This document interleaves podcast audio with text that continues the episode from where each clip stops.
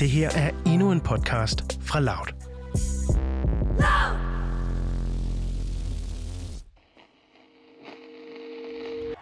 Folks, the people of this nation have spoken. They've delivered us a clear victory, a convincing victory, a victory for we the people. Det er nok ikke gået mange næse forbi, at Joe Biden, som vi hørte her, demokraternes kandidat, har vundet præsidentvalget i USA. Tonight, we're seeing all over this nation, all cities and all parts of the country, indeed across the world, an outpouring of joy, of hope, renewed faith in tomorrow. Bring a better day. Og i en af de meget omdiskuterede svingstater, Georgia, der blev sejren fejret her i weekenden.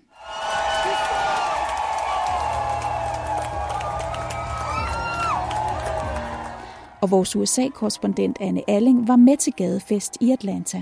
Der er fest i, uh, i Atlanta, der bliver danset her på gaden. Der er altså folk hele vejen ned ad den ene vej gade. Hele vejen ned ad den anden gade er der bare proppet med mennesker, og folk er mildest talt øh, uh, begejstret. Efter fire år med Trump ved roret er de festende demokrater i gaderne håbefulde og lettede. after the last four years to see our country be separated by such division and by such, I'm just going to say flat out hatred that we put kids in cages. We have taken rights away from minorities. We have all but stripped all sense of decency from the political discord. So to be able to have this moment of hope, this, I feel inspired. Det er Edmund. Ham kommer I til at møde igen senere. Og Edmund han er så klar til forandring og tror på, at nu bliver det bedre. Like my scarf says, believe in better. And I honestly do, that we as Americans can do better. And we will. And I genuinely believe that this is that sign. This is that moment. Men spørgsmålet er, om Biden kan give vælgere som Edmund den forandring, de søger.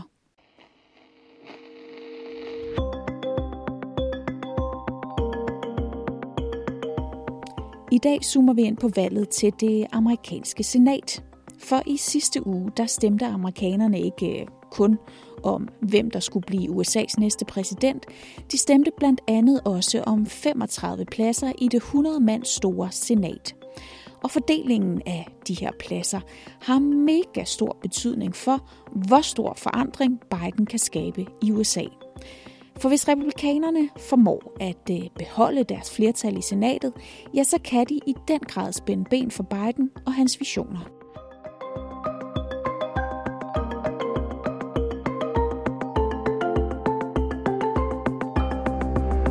Du lytter til Udsyn. Din vært, Christine Randa.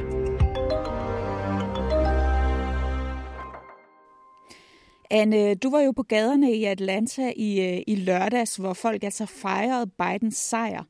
Hvad er det, folk håber, at der kommer til at ske nu? Altså, hvad håber de, at Biden han kan gøre som præsident, sådan helt konkret? Altså dem, som i hvert fald har stemt på Biden og er begejstret for Biden, og som jo også var dem, som, som virkelig var ude og, og holde fest her i weekenden, jamen de taler først og fremmest om, om håb. Øhm, de følte et håb, da, da Obama var præsident, øhm, og det er et håb, som, som helt fuldstændig blev slukket for dem, følte de under, under Trump. Jeg talte blandt andet med, øh, med homoseksuelle, jeg talte med sorte amerikanere, øh, transseksuelle amerikanere, altså alle sammen minoriteter, som følte, at de, de ikke var respekteret under Trump, og som følte, at, at, deres, øh, at, at deres rettigheder blev begrænset øh, under Trump. Hvorimod at de under Obama følte, at der, at der, blev, der, der blev set mere på, på deres situation. Og det er det, de håber nu kommer til at ske igen øh, under Biden. Og et af de områder, som mange amerikanske vælgere har haft stor fokus på ved det her valg, er healthcare. Healthcare, altså sundhedssikring, det er noget, der fylder enormt meget.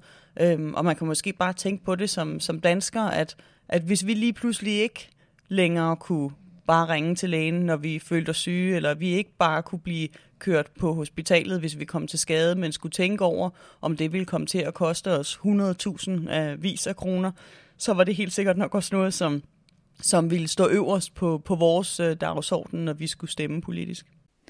Og mange af de lettede demokrater, som Anne talte med i Atlanta ovenpå Bidens sejr, ja, de håber på, at der nu vil komme en udvidelse af den offentlige sygeforsikring. Den, som populært bliver kaldt for Obamacare.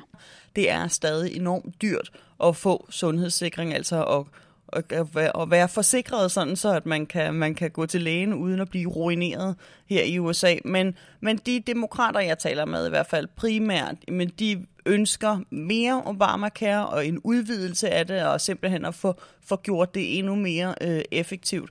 Obamacare er en sundhedsreform, som Barack Obama fik indført, da han var præsident. Den blev lavet med et mål om, at flere amerikanere skulle have råd til en sundhedsforsikring. Derudover betød reformen, at forsikringsselskaberne ikke måtte afvise for eksempel kronisk syge amerikanere, som de ellers måtte det før Obamacare. Til gengæld siger reformen også, at alle amerikanere skal have en forsikring, ellers skal de betale en bøde. Og det er et punkt, som har skilt vandene imellem demokraterne og republikanerne.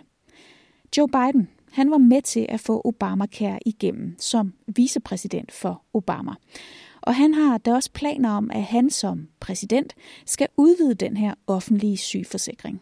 Øh, han siger, at jamen, han vil have en, en udvidelse af Obamacare, altså få det mere øh, effektiviseret, øh, øh, gør, det, gør det endnu mere til rådighed for folk, fordi altså, selvom Obamacare er blevet indført, så er det altså stadig en jungle for, for amerikanere at, at tegne en sundhedsforsikring. Øh, Øh, min bedre halvdel her i USA, han, han er amerikaner, og jeg har, har fulgt nogle, tit hans vej gennem i sundhedssystemet, når man skal tegne de her forsikringer, og det er, altså selvom man som amerikaner er, er godt inde i tingene og, og kender alle de tekniske ord for de forskellige begreber, så det er altså virkelig, virkelig kompliceret, og jeg oplever så tit, amerikanere, der står i en situation, hvor at de troede, de var dækket, øh, de troede, de havde den rigtige forsikring til at gå, kunne gå til denne her, denne her læge, og så ender det med, at det var de ikke, og så får de noget af en overraskelsesregning. Det er også noget, vi har set her under coronakrisen, at øh, altså amerikanere, som er endt med at skulle betale 10.000 og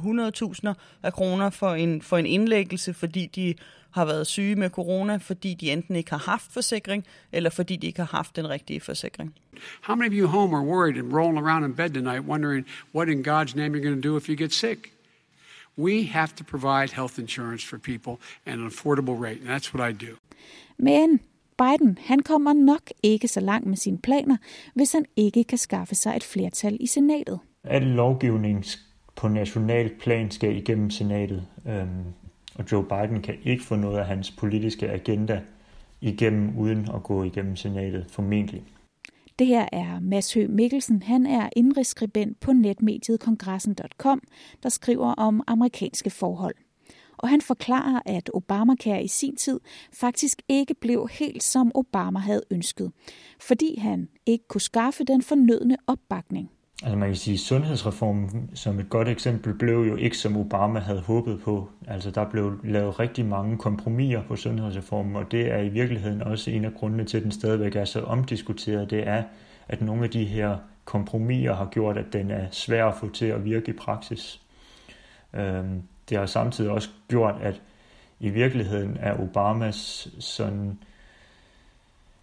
forhåbninger om at blive en stor præsident i høj grad blevet bremset af senatet, fordi han ikke har kunne få noget igennem senatet, og derfor så står vi ikke med et... Øh, en, altså Obama står ikke med et eftermæl, hvor han var en præsident, der fik meget igennem. Og det skyldes især, at demokraterne under Obama mistede en masse pladser i senatet, og dermed også flertallet. Og Obama han endte med at have rigtig svært ved at få noget som helst igennem. I det meste af Obamas tid havde han et senat, der var kontrolleret af republikanerne, og hvor den republikanske flertalsleder Mitch McConnell gjorde meget ud af at blokere alt, hvad Obama egentlig gerne ville have igennem. Our top political priority over the next two years should be to deny President Obama a second term. Ja, Mitch, som vi hørte her, var virkelig glad for at spænde ben for Obama. Det var nærmest som om, at han så det som sin opgave. Så Hvis Joe Biden skal gøre sig nogle forhåbninger om at få udvidet den offentlige sygeforsikring, bare for at tage udgangspunkt i et af ham og hans vælgeres ønsker, ja, så skal han nok håbe på et demokratisk flertal i senatet. Og det står altså ikke klart endnu, om han har skaffet det. Vi har nemlig en uventet situation, hvor valget til senatet kan ende med at blive afgjort i svingstaten Georgia, hvor vores øh, USA-korrespondent Anne Alling stadig befinder sig. Normalt så, øh, så er der kun øh, én senatpost oppe til valg for, for hver stat, men øh, det er anderledes i, i Georgia i år. Her i, i Georgia i år, der var begge senatposter øh, op til valg, altså to af dem.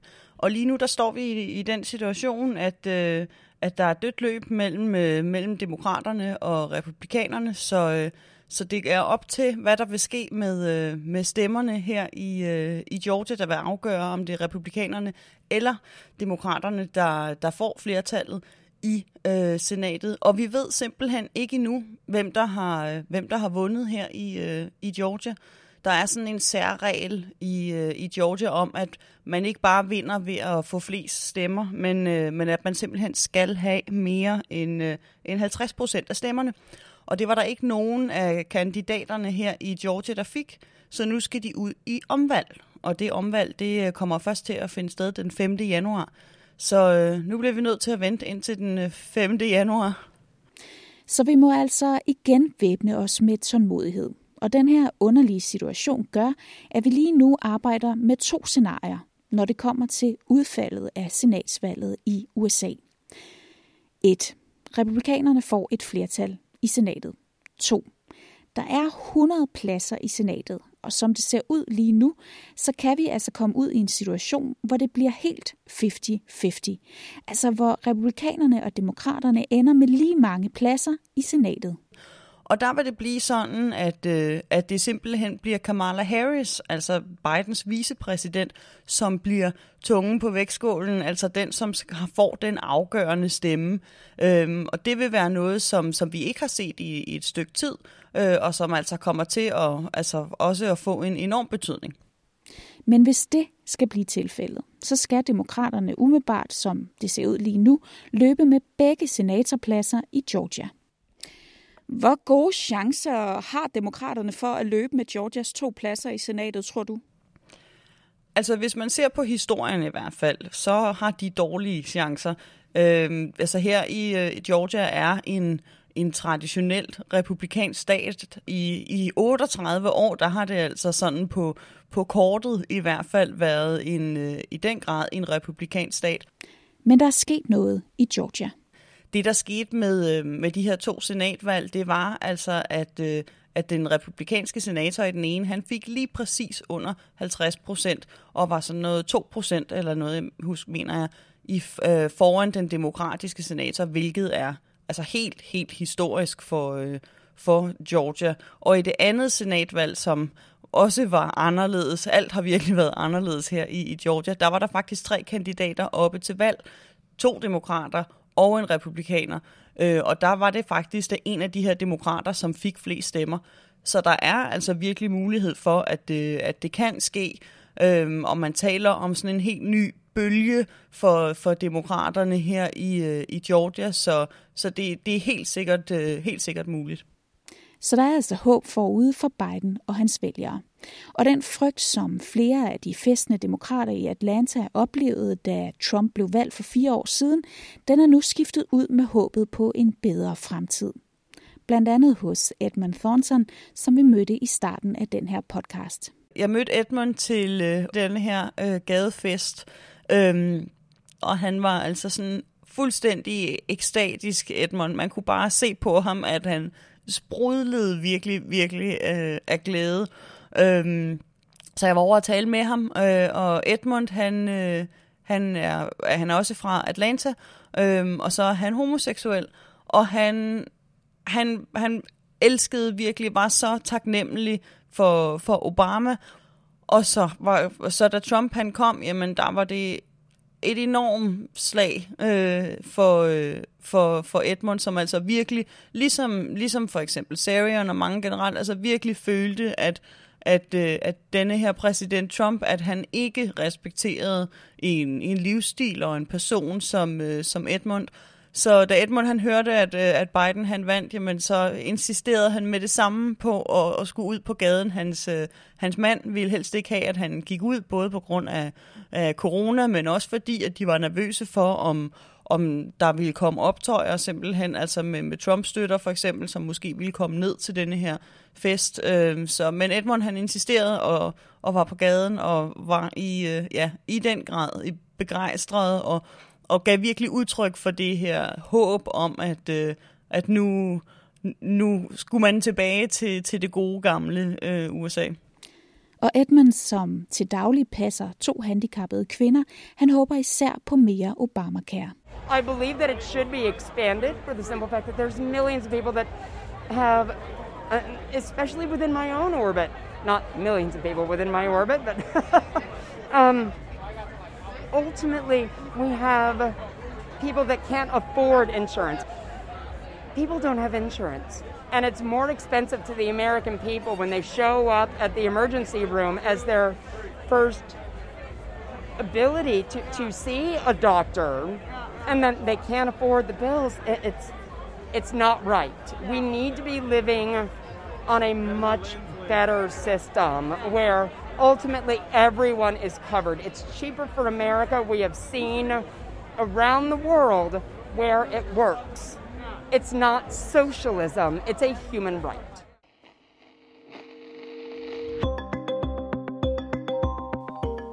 Selvom amerikanerne har fået svar på, hvem der skal lede dem de næste fire år, ja, så er der altså stadig spørgsmål, som de mangler at få svar på.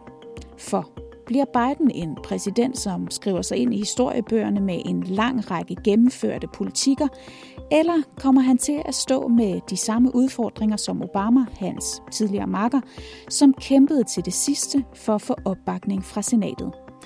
Vi må vente til januar, før vi bliver bare en smule klogere, og indtil da kigger alle mod Georgia og mod valget af de sidste senatorer, som altså kan være med til at forme Biden og Harris' tid i det hvide hus.